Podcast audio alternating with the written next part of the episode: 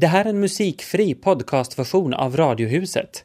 Pratradio på svenska, var du vill, när du vill.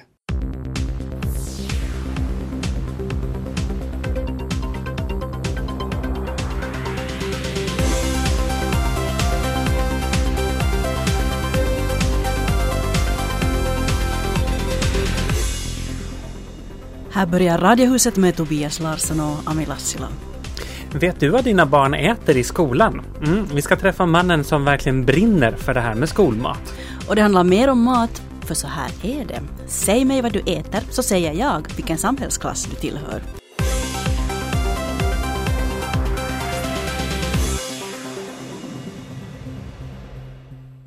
Ni har kanske hört talas om Operation skolmat.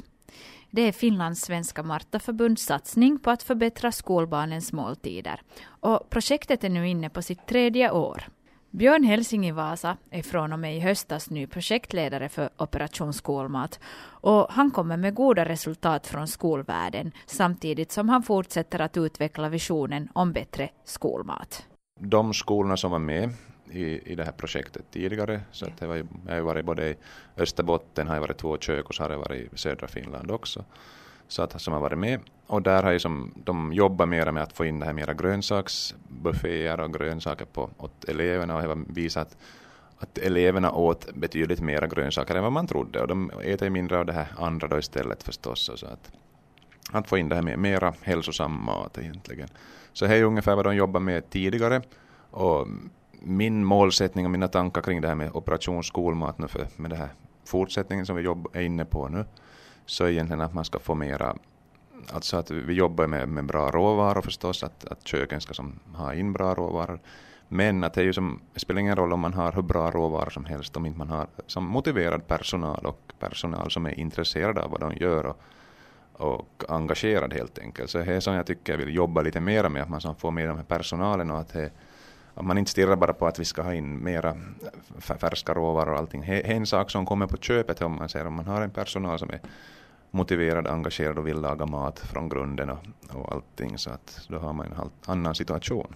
Men hur ska man då få kökspersonalen motiverad? Det är ju egentligen att om man tänker som kökspersonalen, att är ju i, i storköken i allmänhet, är ju duktiga kockar som har jobbat i många år men kanske som väldigt sådär otacksamt jobb. De jobbar på och det är bara kritiska elever, det är kritisk personal, det är kritisk ledning och alla som att det är hårda krav från politikerna, det får inte kosta någonting och man ska göra jättebra mat med inga resurser.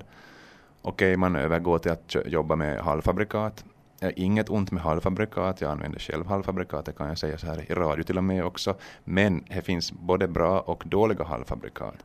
Och det är att om man ska använda halvfabrikat så kan man inte ta den billigaste vägen, inte bara som tänker vi spara pengar, utan man måste som att det ska finnas vettig köttprocent i köttbullarna, det ska finnas vettig fisk i fisken, att det inte är bara som en massa tillsatser och grejer. Och där tror jag har gått lite fel för att, att äh, i och med det här med att man börjar jobba med, med halvfabrikat så har man tänkt att oj, de här är jättebilliga, de här kör vi. Okej, och det är lätt att jobba med halvfabrikat, du öppnar förpackningen, värmer upp produkten bara. Behöver inte tänka någonting heller inte. Mm. Och att vad är det för vits om man har gått en treårig kockutbildning, att man inte behöver som jobba med mat, utan man bara som öppnar förpackningar och allt. Inom det här projektet så jobbar jag med två stora kök. Ja. De lagar mat för cirka närmare 2000 personer per kök. Så det är ju inga små saker vi pratar.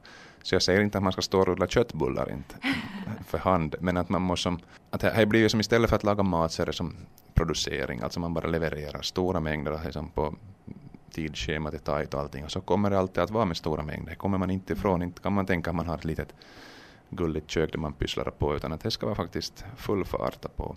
Men att där är också att man som tänker på att vad kan man göra för att förenkla vissa saker och ändå göra mat som från grunden, att man inte som behöver gå direkt på den här genvägen med att man tar färdiga köttbullar, pulversås och pulverpotatismos. Mm. Kanske man kan göra en riktig potatismos, kanske man kan göra en sås. Och så kan man använda de här några köttbullar, men att man i alla fall som ser en hel, helhet i det. Man, att man blandar liksom det som man lagar själv med kanske ja. då halvfabrikat. Precis, att man som försöker få, få, få in, in mera influenser av andra smaker och allting och att är ju som, som har blivit da, dagens samhälle och som jag har lite nämnt om någon gång också att det här med barn och ungdomar så vill inte egentligen ha hemlagade köttbullar Nej. mera. Och det är ju väldigt tra tragiskt för att det är ju på grund av att att ska vi säga, sma, smaklökarna förändrats. Under mm. många års lopp så har de blivit vana med att okej okay, så här ska köttbullar smaka. Man vill inte ha de här hem, hemlagade och så är det att får man ju fråga sig att vems plikt är att lära dem det då? Att det inte är ju skolan så inte är ju hemmens heller inte men att det är ju att alla föräldrar och sånt så vill ju ha att, att få in att det ska vara hemlagad mat i skolan och allting men så när barnen inte vill äta heller så vilken, vilken ska man köra? No, det var just det, ska man ge vika då för barnen som vill ha de där spenatplättarna med E-ämnen i? Där brukar jag också säga att vad, vem är skolmaten till för? Mm. Det kan man ju fråga sig ganska enkelt. Och det är en ganska intressant aspekt det här med att föräldrarnas, om det är till för dem. Jag brukar säga att det är till för föräldrarnas dåliga samvete. för att det är lite som att eh, utan att peka något finger någonstans, men att är många av de här som är mest kritiska till att skolmaten är bristfällig. Så de har kanske tänkt minst på vad de äter hemma. Att det är där, där skon klämmer. De, de förväntar sig att barnen ska få en fantastisk fullvärdig måltid med massa sallad och hemlagad god ekologisk mat. Så de inte själva behöver göra det hemma. Ja, men alltså inte det är ju någonting som...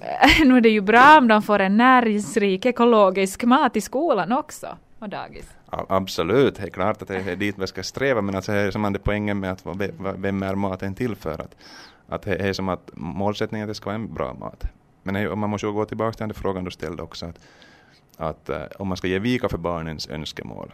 Okej, till en viss del kan man väl tänka sig att det är för dem som skolmaten är till. Mm. Det är de som ska orka hela dagen, hela skoldagen. De ska inte orka hela dagen med sin fotbollsträning på kvällen. Det orkar de inte på skolmaten, utan det krävs ett mellanmål, det krävs en ordentlig middag hemma. Och, om man som tänker på vad man äter hem, på hemmaplan, och där, där skon klämmer många gånger.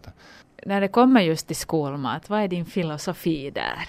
Att skolmaten ska ju vara en, en sak man ser fram emot som elev. Att okej, okay, vad får vi för mat idag? Det ska vara en viktig sak man tänker på. Vad är det för mat idag? Inte att man tänker, äh, vad är det för som vi får idag bara som är negativt, utan att man tänker vad är det för mat? Och så när man kommer så ska maten vara rejäl mat som man tycker om. Och just det här med filosofin också med att det är ju inte bara maten man sätter på tallriken som är, är, är goda och är bra, utan det är hela det här med kan säga, miljön, om man tar en skolmatsal i dagens läge. Det finns fina exempel och det finns sämre exempel. Alltså just den här miljön, många av de här skolmatsalarna är sådana ställen som inte en vuxen person heller vill gå och sätta och äta sin lunch på. Man får som ingen mat, det flyger skolväskor här och där och det är som eh, lite korridorliknande system. Det är som många saker som gör att, att skollunchen blir bra. Så det är som med det här Operation Skolmat, det är som, som jag ser det, att det är inte bara en roll att man ska få in mer närproducerat, utan det är också att se till det här med med allt det här runt omkring med miljön och med, alltså som trivselfaktorn. Det var Björn Helsing, projektledare för Operation Skolmat som ni hörde där. Mitt namn är Anki Westergård. Och så ska vi fortsätta lite på det här mattemat som vi börjar på idag. Och igår talade vi ju faktiskt om eh, hur olika livet ter sig beroende på om du är hög eller låginkomsttagare. Och det är ju förstås självklart. Men den här forskardoktorn som var vår gäst igår så mm, han menar att hela samhället nog har att förlora på om den här tudelningen skärps så att då en höginkomsttagare till exempel lever 12 och ett halvt år längre än en låginkomsttagare. Och det är väldigt länge. Det är jättelänge, ja. Det handlar om tillgång till hälsovård på jobbet, hur man sköter sig och hur man äter. Och just det här hur man äter tar Talossan om att upp idag. Man har intervjuat en sociolog och han menar att uh, speciellt den övre medelklassen har ett stort behov av att skilja sig från det vanliga folket och det gör man väldigt bra genom vad man äter. Och så länge som det bara är några få som äter sådär exklusivt så då är det jättefint. Men sen när det blir tillgängligt för alla så det är ingen idé att äta den där rätten med. No, mm. Sen till exempel så nämner han då kammusslan, 48 euro per kilo. No, den dagen när kammusslan finns på erbjudande på Siva så förlorar den definitivt sitt glamorösa skimmer. Så överklassens läckerheter de ska helst vara så här dyra och svåra att få tag på. Och idag då hälsosamma också. Det är något som präglar maten för de välmående. Maten ska vara så här hälsosam och närproducerad. Om man tittar på historien så har du tänkt på det där att bönder och arbetare de åt ju sån här husmanskost. Mm, jo tack, jag är uppväxt, uppväxt på husmanskost. så det var inte så förr då? Eh, nej, inte så förr. Nej, potatis och fläsksås, det var ju närproducerat. Men nu har det här också blivit exklusivt och dyrt och överklassen ska ha helst ett halvt lamm i frysen och biffar av de här biffkorna som jag inte kan uttala. Char Charolais. Charolais, det vet mm. du som kan franska. Ja, då. ja medan då låginkomsttagarna köper det som är billigt, kanske halvfabrikat, producerade långt bort i stan. Och den här sociologiprofessorn räknar upp då till exempel pizzakorv och franskisar som ett ty typexempel. Medan de välmående äter blinia med rom, sushi, asiatisk mat, öring och ja, förstås de där kammusslorna då. Så länge som de är tillräckligt exklusiva vill säga. Så fort som kvartersbutiken får dem så Mm. Så faller de bort från no, Det väntar jag på. Mm. Men också det här med korven alltså. Så länge det är lammkorv eller chorizo, ja då kan överklassen äta den. Och sen om man riktigt vill skilja sig från mängden så då kan man ju boka ett bord på en Michelin-restaurang. Michelin. Michelin. Mm. och äta sig igenom en sjurätters smakmeny med tillhörande vinmeny förstås. Det ska jag nog faktiskt ganska gärna kunna göra. Välkommen Filip Aminoff, riddare i Johanniterorden. Tack. Hur känns det att vara riddare? No, det är egentligen ett ganska festligt uh, uppdrag som man tar på sig för blir man riddare så åtar man sig egentligen att resten av sitt liv, liv tjäna en, en sak som är för en viktig. Och, och, det betyder att man så att säga osynligt går omkring med en, en, en, en kappa eller en tanke av att uh, det här har jag nu förbundit mig till. Och varför har du velat göra det här? No, därför att jag tror att det är viktigt det som Johanniterråden gör som är att den ägnar sig åt omsorg av, av sjuka och människor som har råkat illa ut. Och, och, jag vill gärna göra det. Jag har från min farmor en ganska stark tradition att, att göra den typen saker och jag gör det gärna. Men vad är det här Johanniterorden då? Johanniterorden är världens äldsta existerande riddarorden. Den grundades på 1000-talet då pilgrimer började strömma till Jerusalem och en del av dem blev sjuka eller råkade illa ut och då behövdes det någon som tog hand om dem. Och med tillstånd av kalifen i Egypten och pengar från Amalfi i Italien så fick man bygga ett sjukhus. Och ur det så växte det en organisation som småningom av påven blev befriad från all världslig och kyrklig överhöghet utom, utom han själv. Så att det blev en fullständigt självständig, totalt internationell organisation redan på, på 1100-talet med rötter i att ta hand om uh, sjuka och utslagna utan avseende av religion eller någonting sånt. Det här Johanniterhjälpen, har då, varför har det uppstått ur detta urgamla, den urgamla riddarorden? No därför att en orden är till sin karaktär sån att, att den ofta blir ganska liten. Men uppdraget som orden har ända sedan sitt grundande så är jättestort och det kommer aldrig att ta slut. Men vad gör ni idag då? Va? Vad gör ni idag då? No, idag så i massor av länder så finns det johanniter, hjälporganisationer som sköter um, åldringsomsorg, barnomsorg, väldigt ofta första hjälpskolning och, och det där räddningstjänst och också internationella katastrofinsatser. Ibland också medicinska specialgrejer så, som organhjälp, organtestamenten och sånt här. Eh, det varierar lite från land till land beroende på var det finns en nöd eller ett behov av omsorg som samhälle eller andra organisationer inte annars sköter. Det här är ju tryckligen då en frivillig organisation. Hur värvar ni folk för att jobba gratis? Det märkliga är det att, att det, där, det finns en stor beredskap ute i ute bland människor att, att göra saker inte alls bara för sig själv utan också för andra. Och den här eh, tendensen har faktiskt ökat de allra senaste åren. Eh, man behöver bara börja prata med människor som har, som jag skulle säga till mina barn, den näsaställningen. Och, och så kan det i att hända att någon vill komma med och göra en insats. Så det har hänt också den här veckan har två personer vänt sig till mig och sagt att de vill komma med i det här och jag är väldigt glad över det. Och vilken typ av människor är det som, som kommer med? Eh, det är ofta människor som har varit med om att bygga upp någonting eller, eller organisera någonting. Det är ganska ofta människor som, som har, ska vi säga, jobbat hårt hela sitt liv och, och, och fått en ganska hygglig situation för sig själva som tycker att de har ett slags skyldighet att ge tillbaka åt det samhälle som gjorde det möjligt för dem. Och, och, och, det gör att, att det finns väldigt djup erfarenhet hos de här människorna ofta. Nå, hur många har ni med i den här verksamheten nu redan? Nå, I Finland så kan man säga att, att, att det där uh, det som nu finns har kanske en uh, vi har byggt en struktur, nu har vi en, en, en 30-40 personer som är väldigt ivriga. Nästa vecka så kommer vi att träffa ett hundratal personer till som har visat ett intresse. Ehm, och sen kan det bli jättestort. I, i, I Tyskland så är det över 40 000 människor anställda eller frivilliga. Det brukar bli en, en relation på en anställd per fyra frivilliga eller något sånt sen när det är utvecklat. Men hur det har ni tappat tron på att samhället ska sköta de här tjänsterna då? Nå, egentligen inte. Utan vi tror att det finns en viktig lucka. Samhället kan sköta jättemånga funktioner och sköter det också jättebra med dedikerade människor. Men det uppstår små luckor där, där enskilda folkgrupper, enskilda människor plötsligt eh, befinner sig utanför systemet. Och systemet förändras hemskt långsamt.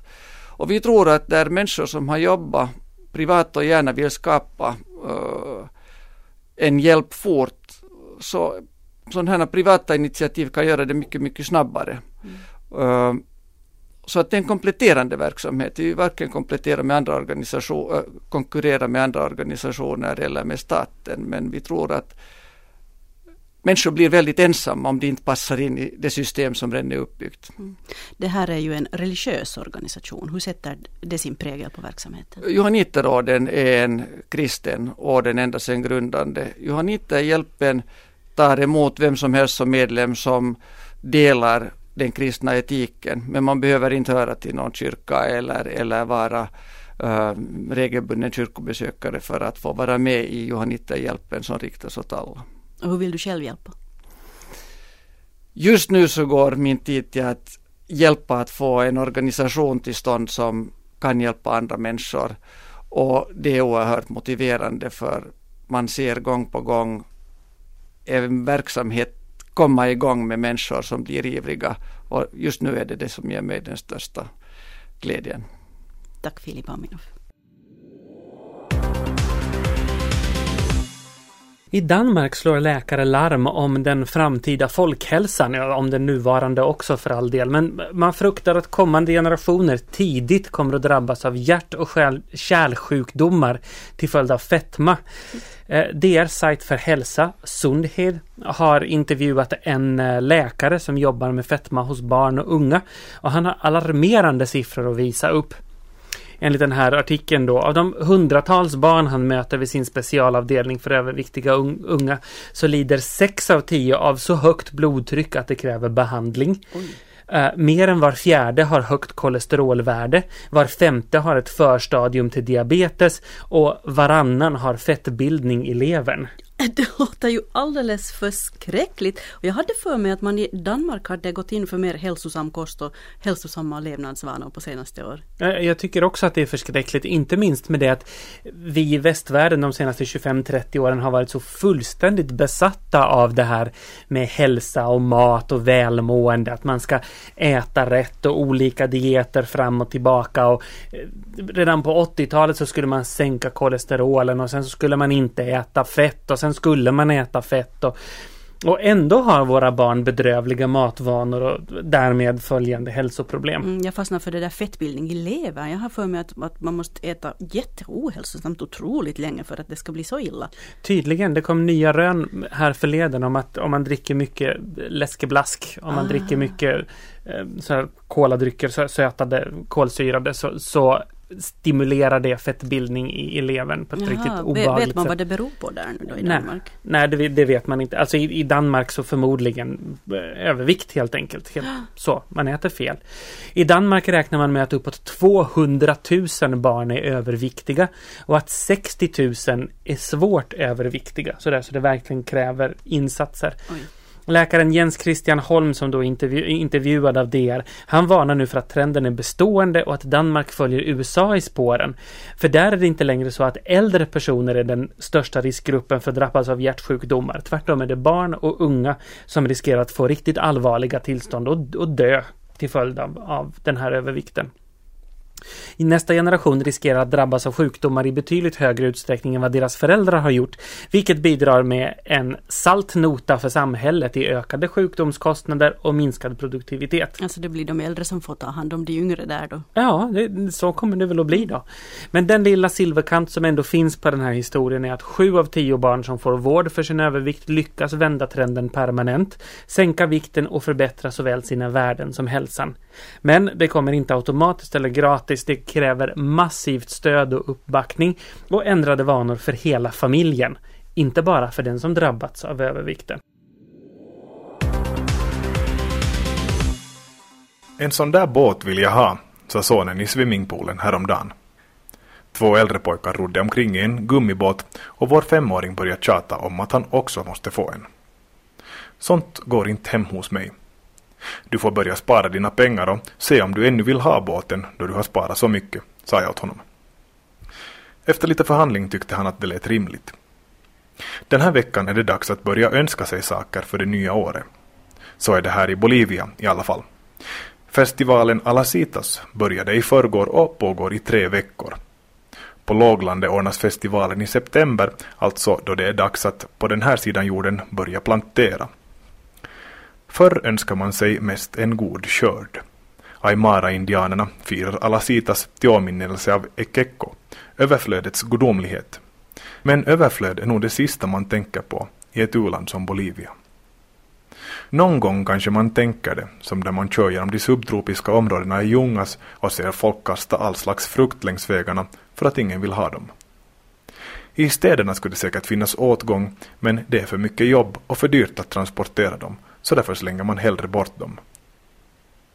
Jag undrar vad fruktodlarna drömmer om. För en bättre skörd står knappast högt på önskelistan. Vad önskar du dig? frågar jag vår hushållerska.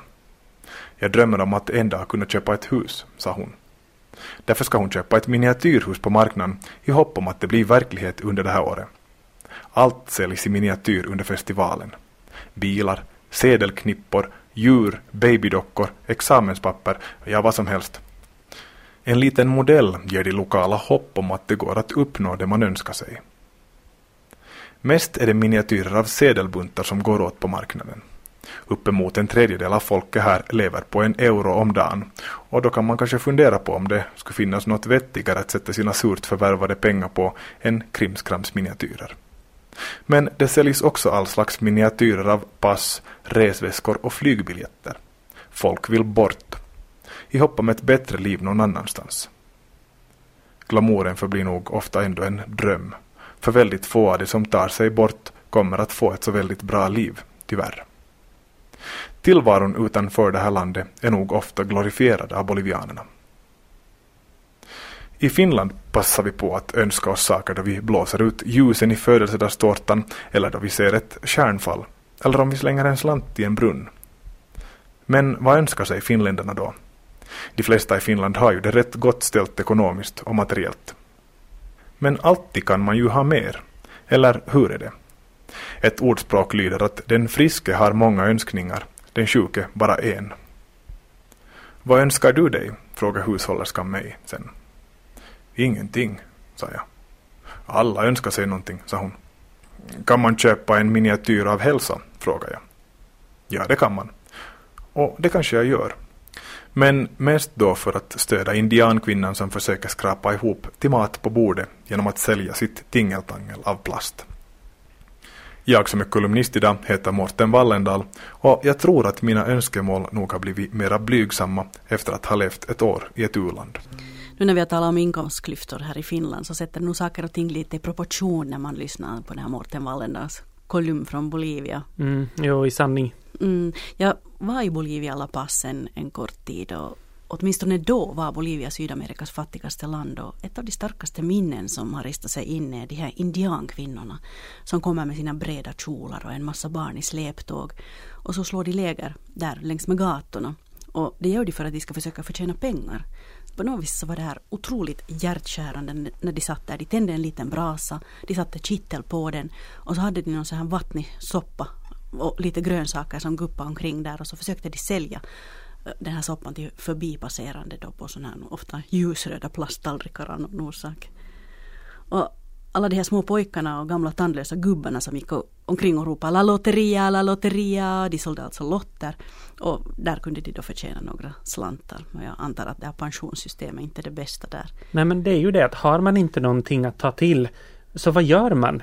Om det på riktigt inte finns någon sjukvård, om man inte har några pengar, om man inte har någon mat. Mm. Så vad, vad, ska man ta sig till? Jag menar, det kan ju verka hopplöst i våra ögon men vad gör man när, när man inte har någon mat? Mm, ja, man gör ju nästan vad som helst då. Men där, då, de rika, så de bor på sådana här inhägnade områden med beväpnade vakter omkring. Och, ja, jag, jag tänker nog bara så att jag hoppas att vi aldrig kommer dit här. Inför presidentvalet har man i diverse tidningar kunnat läsa insändare gällande medias opartiskhet. Saken gäller främst journalister och andra medieprofiler som tydligt tar ställning för den ena eller den andra kandidaten i sociala medier som Facebook och Twitter. Jonas Ljungar, du är redaktionschef på Yles Nyheter och med ansvar för webbinnehållet. På vilket sätt avslöjar journalisterna sina sympatier? Antagligen nog ganska mycket på samma sätt som, som den övriga befolkningen gör. Alltså, jag menar, det kanske inte sker direkt genom så här att stöd Haavisto eller stöd Niinistö. Men, men genom att på, på ett eller annat sätt visa att man sympatiserar med den ena kandidaten. Det kan ju vara till exempel att man man lägger ut en ett länk till en intressant artikel som kan tänkas då störa den ena kandidaten eller ett blogginlägg eller någonting sånt. Alltså innehåll på nätet, det finns ju en massa, en, en störtflod av, av, av liksom sånt material som man kan lägga ut som på, på ett eller annat sätt signalerar att jag, att jag tycker att den här är en bra typ. Alternativt att man tycker att den andra är en dålig typ. Så på, den, på det sättet skiljer sig kanske inte journalisternas beteende på sociala medier från den övriga befolkningens när det gäller liksom hur man sympatiserar med någon politiker. Men, men det problematiska här är ju förstås det att, att journalister i mitt tycke inte borde, borde förstå på något sätt att hålla sig neutrala och objektiva i ett sådant här fall. Men på Facebook anser de flesta sig vara privata. Hur privat är man i sociala medier? No, jag ty- alltså, man ska komma ihåg att Facebook är ett väldigt nytt fenomen. Alltså Facebook grundades 2004. Jag själv kom med bara för fyra år sedan och, och var ganska så här, jag var inte så hemskt aktiv i början. Och, och, och hela det här sättet att umgås över nätet och att dela med sig över nätet, det här liksom sociala interaktionen på nätet, det är en väldigt nytt fenomen. Och, och det här och, och jag tror att, att, att vi är ännu liksom, det är en så pass nytt fenomen att vi har inte liksom riktigt ännu vi, pendeln svingar åt ena hållet, vi delar med allt åt alla i den, i den kanske liksom föreställningen att det här är min privata sfär, att det här är liksom min lilla kaffebordsdiskussion här. Och så är ju inte fallet, speciellt för journalister alltså att man, jag tycker det ska, det ska jämställas med att man ställer sig på ett tor torg och säger, säger någonting. Och, så, så det där, och det kanske man inte riktigt tänker efter, därför att, just därför att det är ett så nytt fenomen. Hur allvarligt är det ifall tittare och lyssnare inte upplever journalister som objektiva? Uh, no, alla har ju förstås, eh, det råder yttrandefrihet i det här landet, också, också journalister ska få ha en politisk åsikt.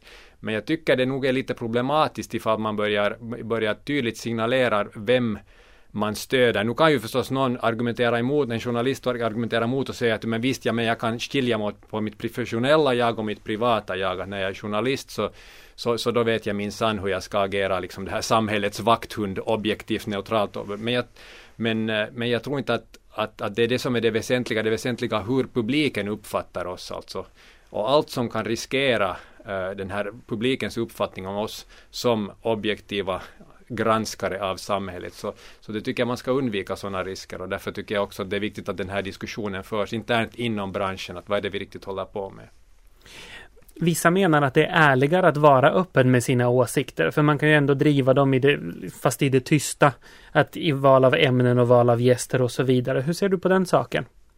No, jag ska nu konkretisera det. Låt oss säga att en, eh, en politisk journalist till exempel öppet säger på Facebook att, att eh, Haavisto eller Niinistö för den delen är en, en bra typ. Och sen följande dag går till en presskonferens och rapporterar eh, kring detta val.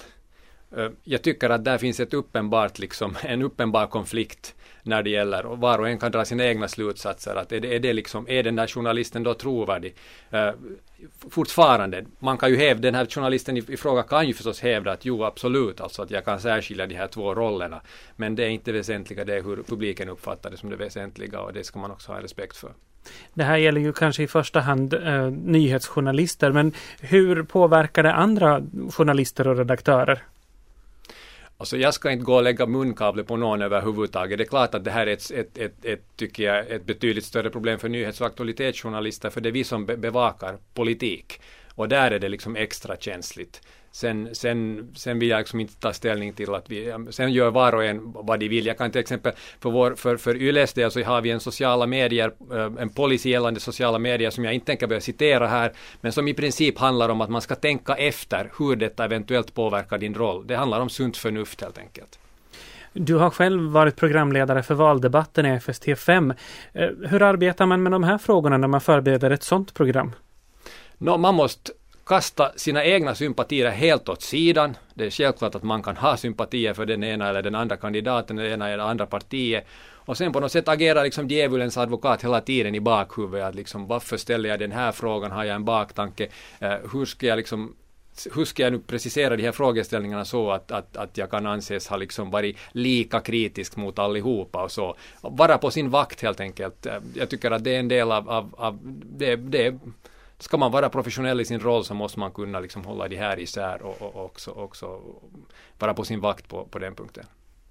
Till sist Jonas Ljungar, hur ser framtiden ut? Hur kommer vi att se på den här saken om fem eller tio år?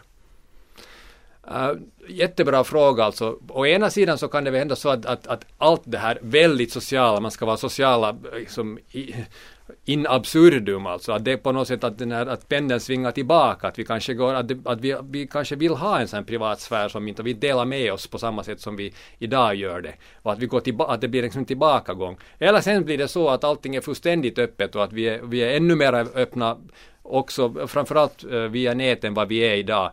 Eh, men det tycker jag inte i sig förändrar journalistens roll här. Jag tycker att, att de här klassiska journalistreglerna om neutral, objektiv journalistik som ska försöka belysa saker och ting rättvist, de, de kommer ju att gälla alldeles oberoende vad som händer inom det här fältet. Tack så mycket Jonas Ljungar för att du kom till oss på Radiohuset. Tack.